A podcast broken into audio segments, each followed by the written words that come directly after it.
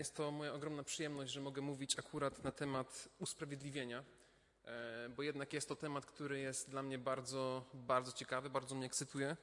E, I wydaje się, że to jest taki temat, który jest jednym z istotniejszych w perspektywie e, teologii ogólnie chrześcijańskiej, teologii protestanckiej. Jest to jakby jeden z takich fundamentów tego, czym jest albo kim jest też człowiek, który ufa Pismu Świętemu.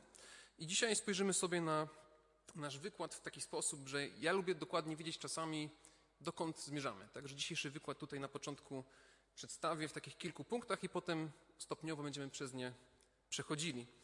Także na początku zwrócimy uwagę na to, dlaczego jest to ważne. E, następnie spojrzymy na to, dlaczego potrzebujemy usprawiedliwienia, czyli spojrzymy na jakby istotę e, problemu, przed jakim człowiek stoi.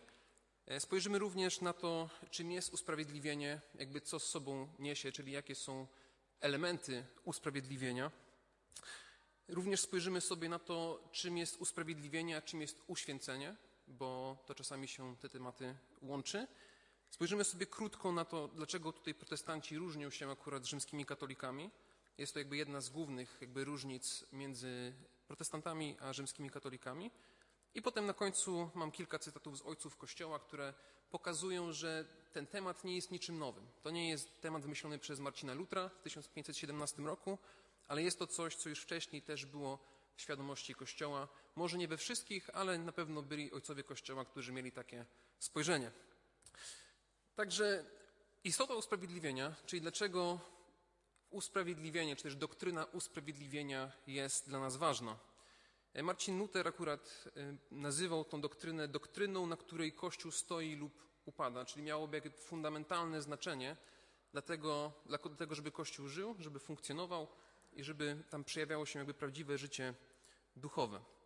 E, taki inny teolog, którego bardzo lubię, dr Martin Lloyd-Jones, Walijczyk, opisał, pisząc o usprawiedliwieniu, napisał taką rzecz. Opisz istotę doktryny o usprawiedliwieniu, tylko przez wiarę? Czy wiesz, co czyni cię protestantem, co odróżnia ciebie od rzymskiego katolicyzmu? Oto jest właśnie sprawdzian. Żeby ta jedna prawda zasadniczo w jakiś sposób definiuje to, czy ktoś ufa w sposób rzymskokatolicki, czy też ktoś ufa w sposób protestancki.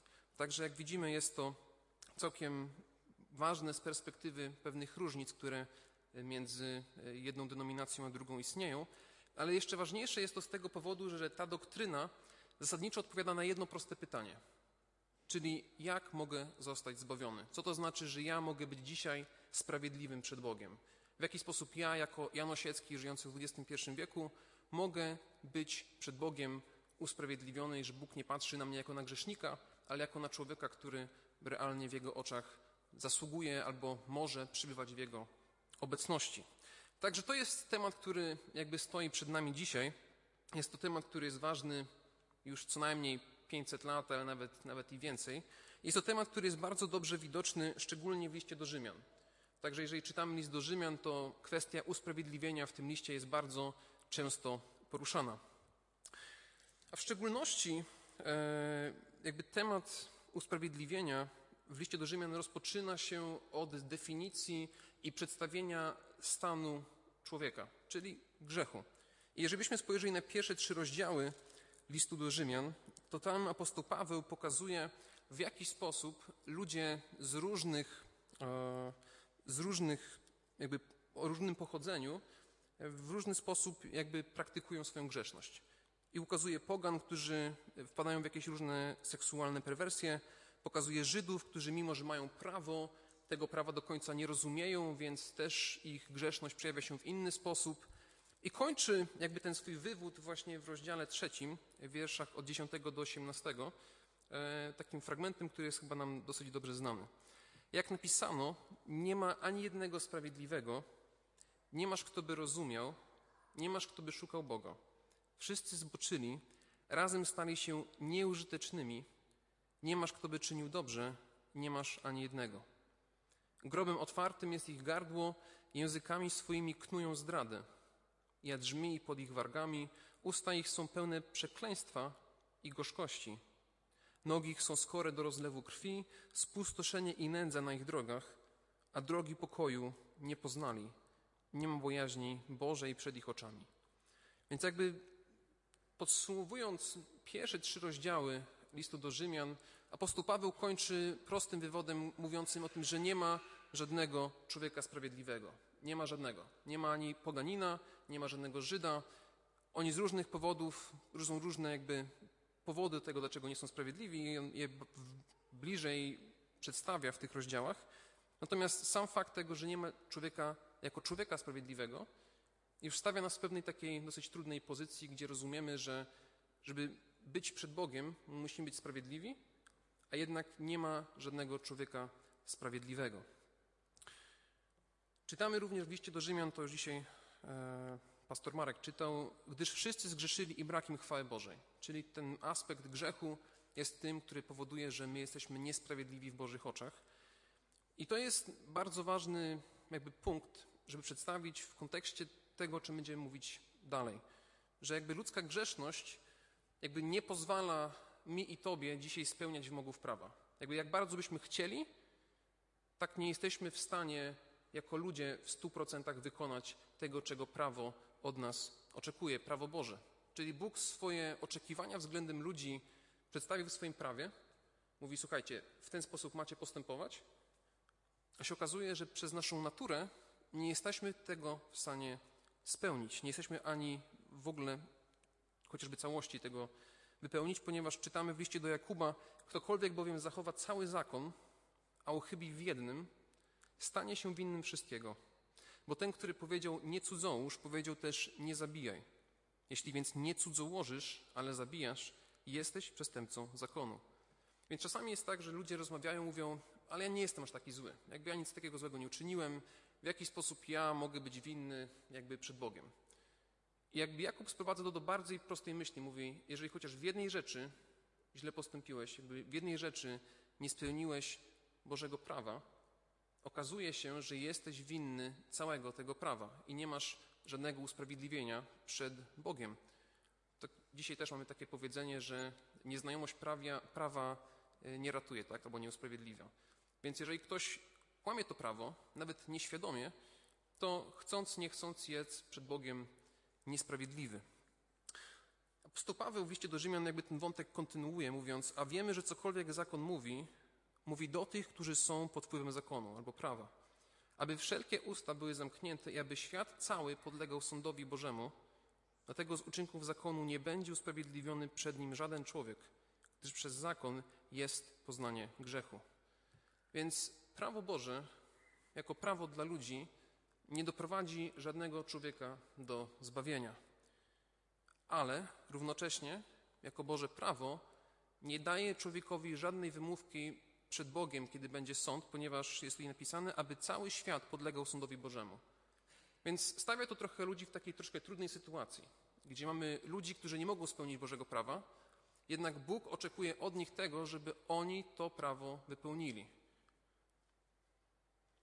To również apostoł Paweł pokazuje, że z tego powodu prawo nie jest złe, ale raczej przez zakon, czy też przez prawo jest poznanie grzechu, czyli tego, co jest złe. Czyli wiemy, co źle robimy, wiemy, że przez to, co źle robimy, nie możemy się do Boga zbliżyć, więc pytanie, w jaki sposób my możemy się do tego Boga zbliżyć. I właśnie usprawiedliwienie jest odpowiedzią na to pytanie. Odpowiedzią na to pytanie, w jaki sposób człowiek, który nie może przez prawo się zbawić, mógł uzyskać przed Bogiem tego stanu usprawiedliwienia. I czytamy w dalszym jakby wywodzie e, tutaj apostoła Pawła właśnie wyjaśnienie tego usprawiedliwienia. Ale teraz, niezależnie od zakonu, czy też niezależnie od prawa, objawiona została sprawiedliwość Boża, o której świadczą zakon i prorocy. I to sprawiedliwość Boża przez wiarę w Jezusa Chrystusa dla wszystkich wierzących. Nie ma bowiem różnicy. Gdyż wszyscy zgrzeszyli i brak im chwały Bożej i są usprawiedliwieni darmo z łaski Jego przez odkupienie w Chrystusie Jezusie, którego Bóg ustanowił jako ofiarę przybłagalną przez krew Jego, skuteczną przez wiarę. Dla okazania sprawiedliwości swojej przez to, że w cierpliwości Bożej pobłażliwie odniósł się do przedtem popełnionych grzechów, dla okazania sprawiedliwości swojej w teraźniejszym czasie, aby On sam był sprawiedliwym i usprawiedliwiającym tego, który wierzy w Jezusa.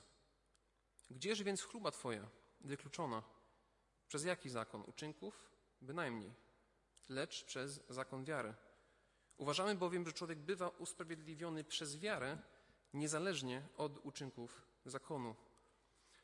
Więc apostoł Paweł, kontynuując swój wywód, pokazuje, że Bóg przez to, że ludzie nie mogą spełnić tego prawa, daje możliwość uzyskać tę sprawiedliwość przez posłanie swojego Syna Jezusa Chrystusa, jeżeli tylko w Niego uwierzymy, w Jego śmierć, Jego zmartwychwstanie.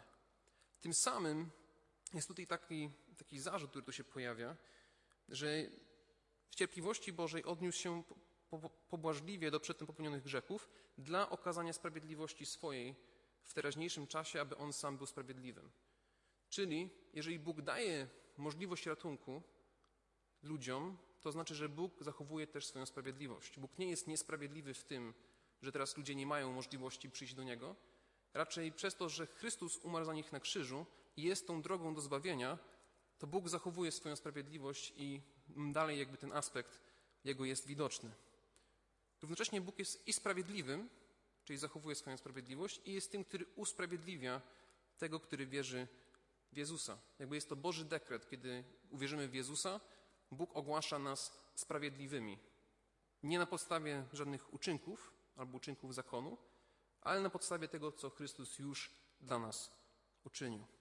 I ciekawe jest to, że tutaj w tym jednym akcie Bóg przebacza nam wszelkie nasze winy, te, które uczyniliśmy, te, które czynimy i te, które jeszcze będą uczynione. Czytamy o tym, że odnosi się pobłażliwie do tego, co było wykonane wcześniej.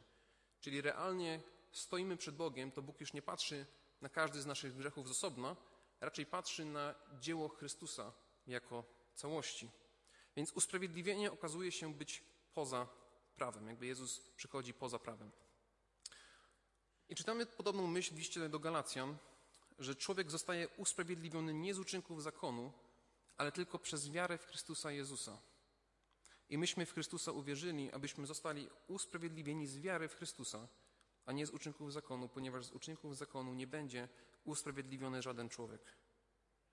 Więc w tych dwóch fragmentach jasno jest zaznaczone to, że ludzkie zbawienie nie pochodzi z uczynków, ale jest zbawieniem przez wiarę. I wiara jako wiara też nie jest dobrym uczynkiem. To nie jest tak, że Bóg patrzy na ciebie i zobaczył Twoją wiarę jako dobry uczynek i to zostało poczytane jako sprawiedliwość. Czyli wiara jest mechanizmem, jaki Bóg w nas wywołał jako Jego dar, do tego, żeby sprawiedliwość Chrystusa przyjąć. Czyli ostatecznie jest to i tak wyłącznie dzieło Chrystusa, a to nie jest dzieło nasze. Więc ten aspekt porównania jakby sprawiedliwości i usprawiedliwienia w kontekście uczynkowości jest dokonywany konkretnie wobec Żydów. Tutaj to jest jakby ewidentne porównanie z zakonem, z prawem, który jakby Izraelici wykonywali, ale równocześnie możemy to odnieść do wszelkich różnych systemów współczesnych, gdzie ludzie też za wszelką siłę chcą się przypodobać jakoś Bogu. I to jest zasadniczo każda inna religia poza chrześcijaństwem współcześnie w ten sposób funkcjonuje, że ludzie wiedzą, że mają jakieś braki, chcą te braki uzupełnić, żeby tego Boga w jakiś sposób uspokoić, więc będą postępować zgodnie z tym, jak tego Bóg od nich oczekuje. Więc to nie jest zrozumienie aspektu tego, że Bóg sam się zniża do ludzi, raczej jest to próba podejścia do Boga, który jest daleki. Więc patrząc na te dwa fragmenty, widzimy, że każdy inny z takich systemów zasadniczo odrzuca biblijne rozumienie usprawiedliwienia z wiary. Usprawiedliwienie możemy zdefiniować jako Boże prawomocny wyrok ogłaszający, że ktoś jest sprawiedliwy. To ogłoszenie ma miejsce w chwili zawierzenia Chrystusowi i tutaj mam taki notatkę, że jest podobne do usprawiedliwienia na Librusie.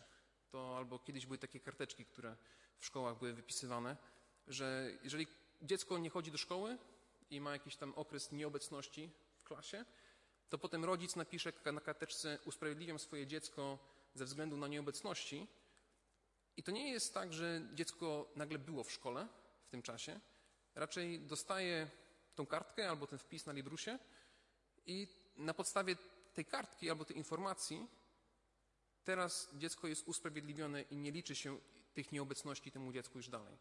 Więc jakby mamy ten koncept usprawiedliwienia dzisiaj też w naszym społeczeństwie trochę bardziej widoczny, mimo że może to nie było akurat myślenia apostoła Pawła akurat kiedy tego pisał. Ale widzimy to właśnie w rozdziale 5, w wierszach od 15 do 19. Lecz nie jest tak, jak z upadkiem ma się sprawa z łaską. Albowiem jeśli przez upadek jednego człowieka umarło wielu, to daleko obfitsza okazała się dla wielu łaska Boża i dar przez łaskę jednego człowieka, Jezusa Chrystusa. I tak ma się sprawa z darem, jak ze skutkiem grzechu jednego człowieka. Albowiem wyrok za jeden upadek przyniósł potępienie, ale dar łaski przynosi usprawiedliwienie z wielu upadków. I tutaj apostoł Paweł dokonuje porównania. Mówi, tak jak przez Adama Bóg postanowił, że wszyscy ludzie teraz będą grzeszni, będą winni, tak teraz w Chrystusie Bożym postanowieniem jest to, że jeżeli ktoś w Niego uwierzy, będzie usprawiedliwiony. Więc jest to jakby prawomocny wyrok. Jest to coś dokończonego w momencie zawierzenia Chrystusowi. Myślę, że to jest coś, co dla nas też powinno być po prostu ważne, że wiemy, że jesteśmy zbawieni w momencie, kiedy zaufamy Chrystusowi, a nie, że musimy zapracować jeszcze przez całe życie różnymi innymi uczynkami, które uzupełniają e, jakby to, tą sprawiedliwość. I czytamy, że albowiem jeśli przez upadek jednego człowieka śmierć zapanowała przez jednego, o ileż bardziej ci, którzy otrzymują obfitość łaski i daru usprawiedliwienia, królować będą w życiu przez jednego Jezusa Chrystusa.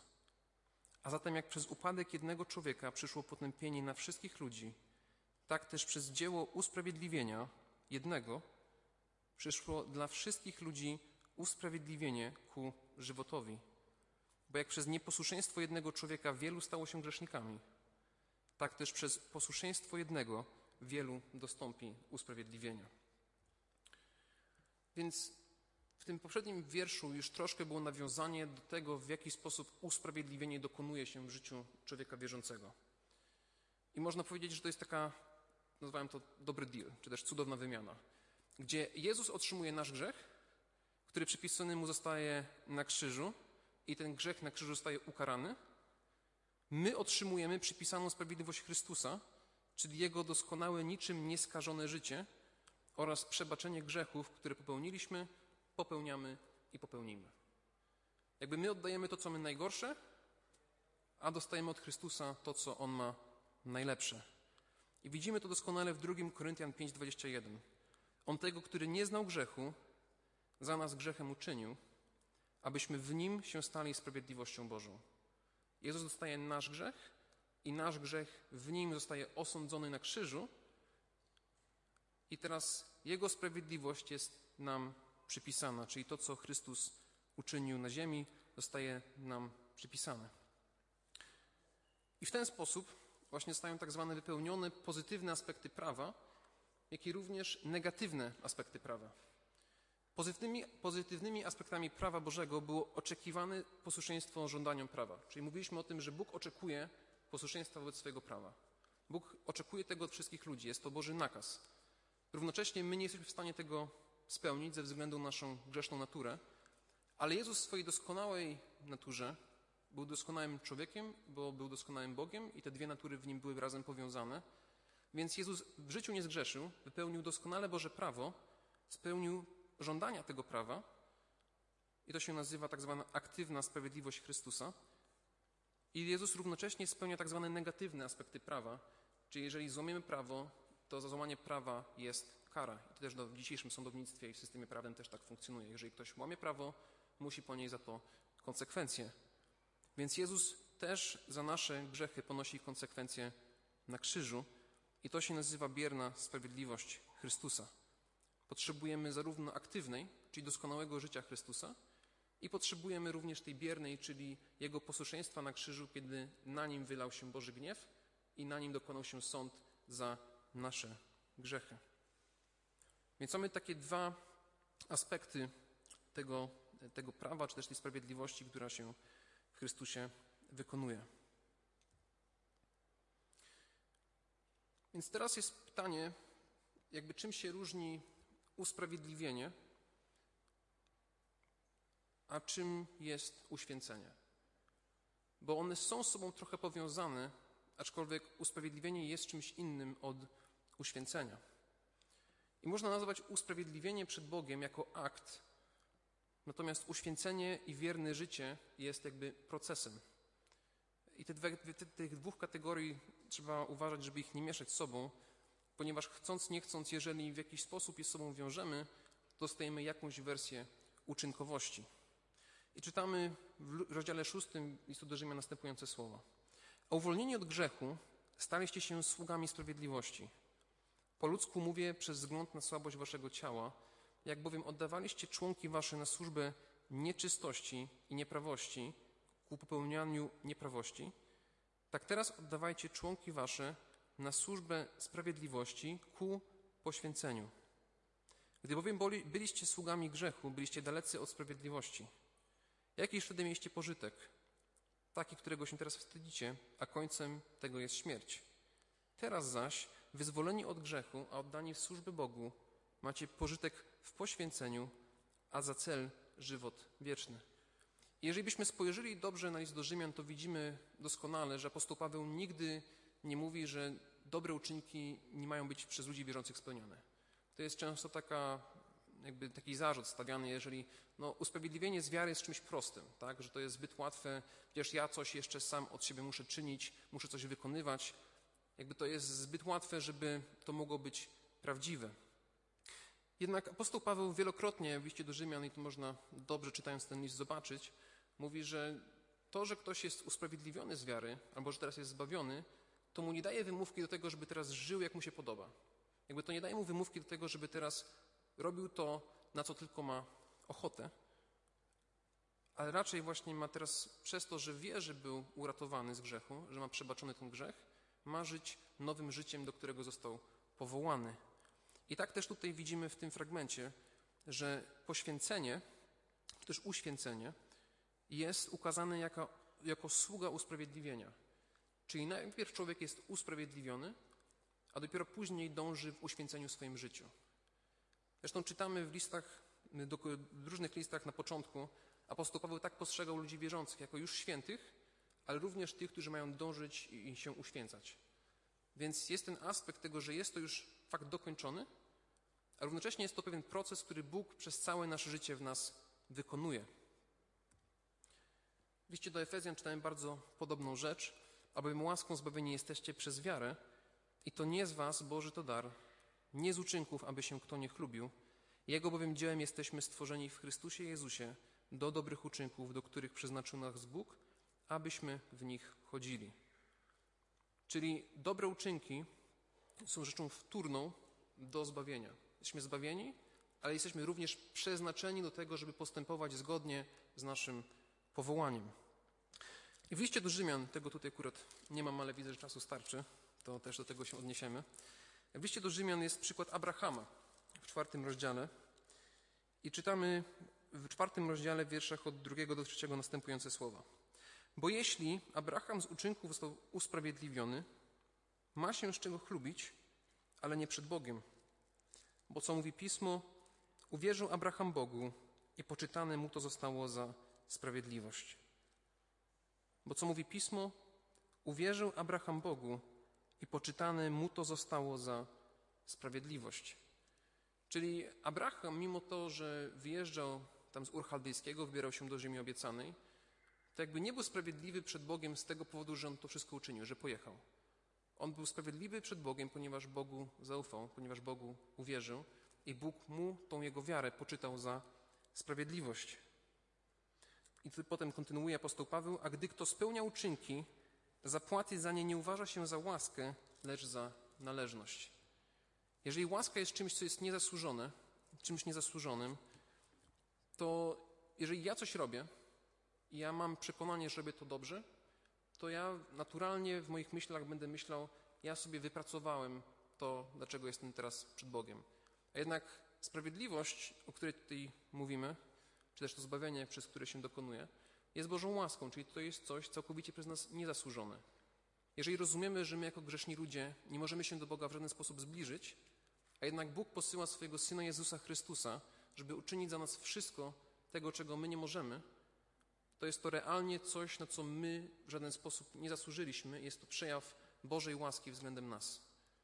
Czyli Boża sprawiedliwość, ta przypisana sprawiedliwość Chrystusowi, staje się naszą sprawiedliwością i my tutaj nie dokurzyliśmy ani jednej cegiełki do tego dzieła. Bo jeżeli byśmy dołożyli jakąś cegiełkę, to istnieje tutaj możliwość tego, żebyśmy my się jakby chlubili z tego, jacy tu my jesteśmy wspaniali, cudowni i jakby ile my włożyliśmy do tego naszego zbawienia. Jest taki cytat jednego, nie pamiętam którego chrześcijańskiego teologa, ale to często się w tym momencie tam przypomina, że jedyną rzeczą, którą my wnieśliśmy, wnieśliśmy do naszego zbawienia jest nasz własny grzech. Więc to jest ten jakby aspekt, który e, w jakiś sposób trochę nas jakby motywuje. Więc mamy ten aspekt usprawiedliwienia. Jest to Boża decyzja. Bóg ogłasza nas sprawiedliwymi przed sobą. Jest to ogromna Boża łaska. I różni się od uświęcenia tym, że uświęcenie jest procesem, który trwa całe życie, a usprawiedliwienie dokonuje się w momencie zaufania Chrystusowi. Najlepszym przykładem tego może być ten jeden z przestępców, który był na krzyżu. Jakby on nie żył doskonałym życiem, wręcz miał parę, parę chwil przed swoją śmiercią, kiedy zaufał Chrystusowi i Chrystus mówi, będziesz dzisiaj ze mną jeszcze w raju. On nie musiał nic dokonywać, zaufał Chrystusowi i dzisiaj wierzymy, że jest w raju i kiedyś się z tym przestępcą też spotkamy. Więc mamy ten aspekt tego, że samo zaufanie Chrystusowi w Jego dzieło, w Jego śmierć, w Jego zmartwychwstanie jest dla nas wystarczające do tego, żebyśmy mogli dzisiaj być przed Bogiem. Więc pytanie, jak się w tej kwestii różnią protestanci z rzymskimi katolikami? Jakby na czym polega tutaj cały jakby problem, dlaczego w ogóle reformatorzy i pierwsi e, tam ludzie w XVI wieku na to zaczęli trochę zwracać uwagę. E, no i tutaj mam akurat e, cytat z Soboru Trydenckiego, czyli soboru, który był po, jako aspekt kontrreformacji, czyli próby zwalczenia pewnych pomysłów z, z czasów reformacji. I tutaj mamy w pewien sposób jakby wytłumaczenie tej takiej rzymskokatolickiej, rzymskokatolickiego rozumienia usprawiedliwienia. I czytamy tak. Przytoczone słowa podają opis usprawiedliwienia grzesznika. Polega ono na przeniesieniu z tego stanu, w którym człowiek się rodzi, jako syn pierwszego Adama, do stanu łaski i przybrania za synów Bożych przez drugiego Adama Jezusa Chrystusa, naszego Zbawiciela. Otóż takie przeniesienie po ogłoszeniu Ewangelii nie może nastąpić bez kąpieli odrodzenia lub bez jej pragnienia, jak jest napisane, jeśli ktoś się nie odrodzi z wody i z Ducha Świętego, nie może wejść do Królestwa Bożego. I tutaj jakby ten cytat został wyjaśniony przez księdza Ryszarda Adriarkę, tam w jednym wywiadzie w internecie. I on stwierdził tak. Sobór podkreśla inicjatywę Boga w usprawiedliwieniu, ale podtrzymuje też naukę, że człowiek powinien współpracować z łaską Bożą. Na przykład słuchać objawionej prawdy Bożej i wierzyć, że otrzymuje usprawiedliwienie dzięki łasce wysłużonej przez Jezusa Chrystusa.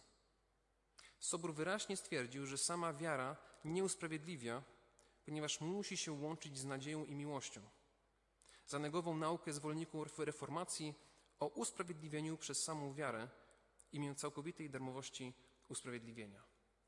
Więc w perspektywie rzymskokatolickiej jakby usprawiedliwienie wiąże się z pewnego rodzaju procesem, że człowiek był w takim stanie grzechu i teraz jest w stanie łaski i musi ten stan łaski utrzymywać w swoim życiu, żeby mógł na koniec swojego życia, kiedy będzie sąd ostateczny, Bóg spojrzy na niego i powie tak, to jest człowiek sprawiedliwy.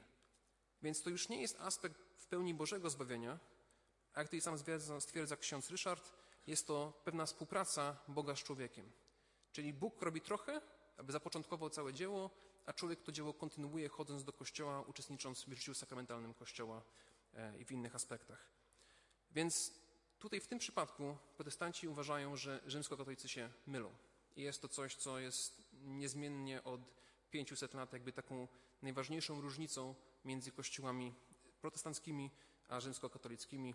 Można więcej o tym więcej też poczytać w internecie. E, to jest naprawdę nie chcę za bardzo, e, bardzo dokładnie w to wchodzić.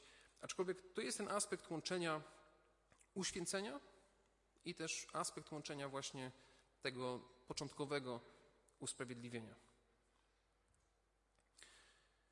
Na końcu, zanim przejdziemy do pytań, bo będziemy mieli na nie trochę czasu, jest ukazanie, że jednak ten aspekt usprawiedliwienia wyłącznie z wiary, tego, że zaufałem Chrystusowi jako swojemu Panu, swojemu Zbawicielowi, jest już widoczny jakby wcześniej w Kościele. Bo czasami się protestantom zarzuca, mówią, a to Marcin Luther wymyślił ten aspekt, jakby to jest coś nowego, e, to nie jest zgodnie z tradycją Kościoła, jak to wyglądało. Jednak ważne jest, żeby pokazać, że ten aspekt usprawiedliwienia wyłącznie z wiary pojawiał się też wcześniej u takich teologów, których nazywamy dzisiaj ojcami Kościoła, jako takich pierwszych, którzy wnosili dużo rzeczy do życia kościelnego. I tu jest cytat Klemensa Rzymskiego, żyjącego jeszcze więcej nawet w czasach apostolskich. E, I czytamy tak. My zaś, powołani z Jego woli w Chrystusie Jezusie, nie jesteśmy usprawiedliwieni ani przez siebie samych, ani przez własną mądrość, ani przez własne zrozumienie, ani przez pobożność, ani przez uczynki, które wykonaliśmy w świętości serca, lecz przez wiarę, przez którą od początku Bóg Wszechmogący usprawiedliwił wszystkich ludzi, któremu niech będzie chwała na wieki wieków. Amen. Potem mamy tutaj cytat pana Polikarpa. Wiem, że łaską zbawieni jesteście, nie z uczynków, lecz z woli Bożej przez Jezusa Chrystusa. Dydym Aleksandryjski mówi, wiem, że łaską zbawieni jesteście, nie z uczynków, lecz z woli Bożej przez Jezusa Chrystusa. Tutaj chyba się mi cytat powtórzył. E, chyba Polikarp, a Dydyma mam w innym miejscu.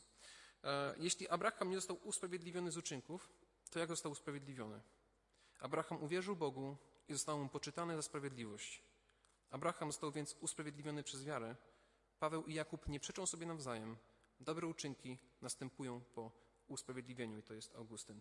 I to są cytaty, które pochodzą z książki dawno przed Lutrem. To jest e, taki historyk Kościoła, który badał tą kwestię i tam ma więcej tych cytatów. To są niektóre, z których ja wybrałem. E, tak, także widać aspekt usprawiedliwienia z wiary pojawia się też wcześniej i myślę, że to jest to, co jest dla nas dzisiaj ważne. Bo pytanie, w jaki sposób na nas wpływa aspekt usprawiedliwienia z wiary? Jakby co to znaczy dla mnie dzisiaj, żyjącego jakby współcześnie, czy jest jakaś różnica między jednym a drugim? No, różnica polega w tym, że jeżeli prawdziwie dostaję to, co Chrystus za mnie uczynił na krzyżu, w momencie uwierzenia, to jeżeli dzisiaj stracę swoje życie, to mogę polegać na Chrystusie, że będę dzisiaj stał przed Bogiem. Mogę ufać, że praktycznie to, co Jezus uczynił na krzyżu, w pełni zapłaciło za to, czego ja nie byłem w stanie dokonać. Jeżeli jest to pewien proces, to będę przez całe moje życie żył w pewnej nieświadomości tego, czy jednak byłem wystarczająco dobry, żeby być przed Bogiem, czy jednak no, mam jeszcze jakieś braki, muszę je uzupełnić. Stąd między innymi pojawiła się, pojawiła się koncepcja czyśćca, że ten aspekt nie był do końca jasny, więc ludzie, którzy nie byli do końca w pełni świadomi tego, czy będą przed Bogiem, mogą trochę tego odrobić w trakcie pobytu w czyśćcu i dlatego ten aspekt się pojawia też tam w teologii rzymskokatolickiej. Więc mamy ten aspekt, że albo jesteśmy w miarę pewni swojego zbawienia, bo to dokonał Chrystus, albo jesteśmy pewni tego, że nie do końca możemy wiedzieć, ponieważ ciągle musimy coś wykonywać.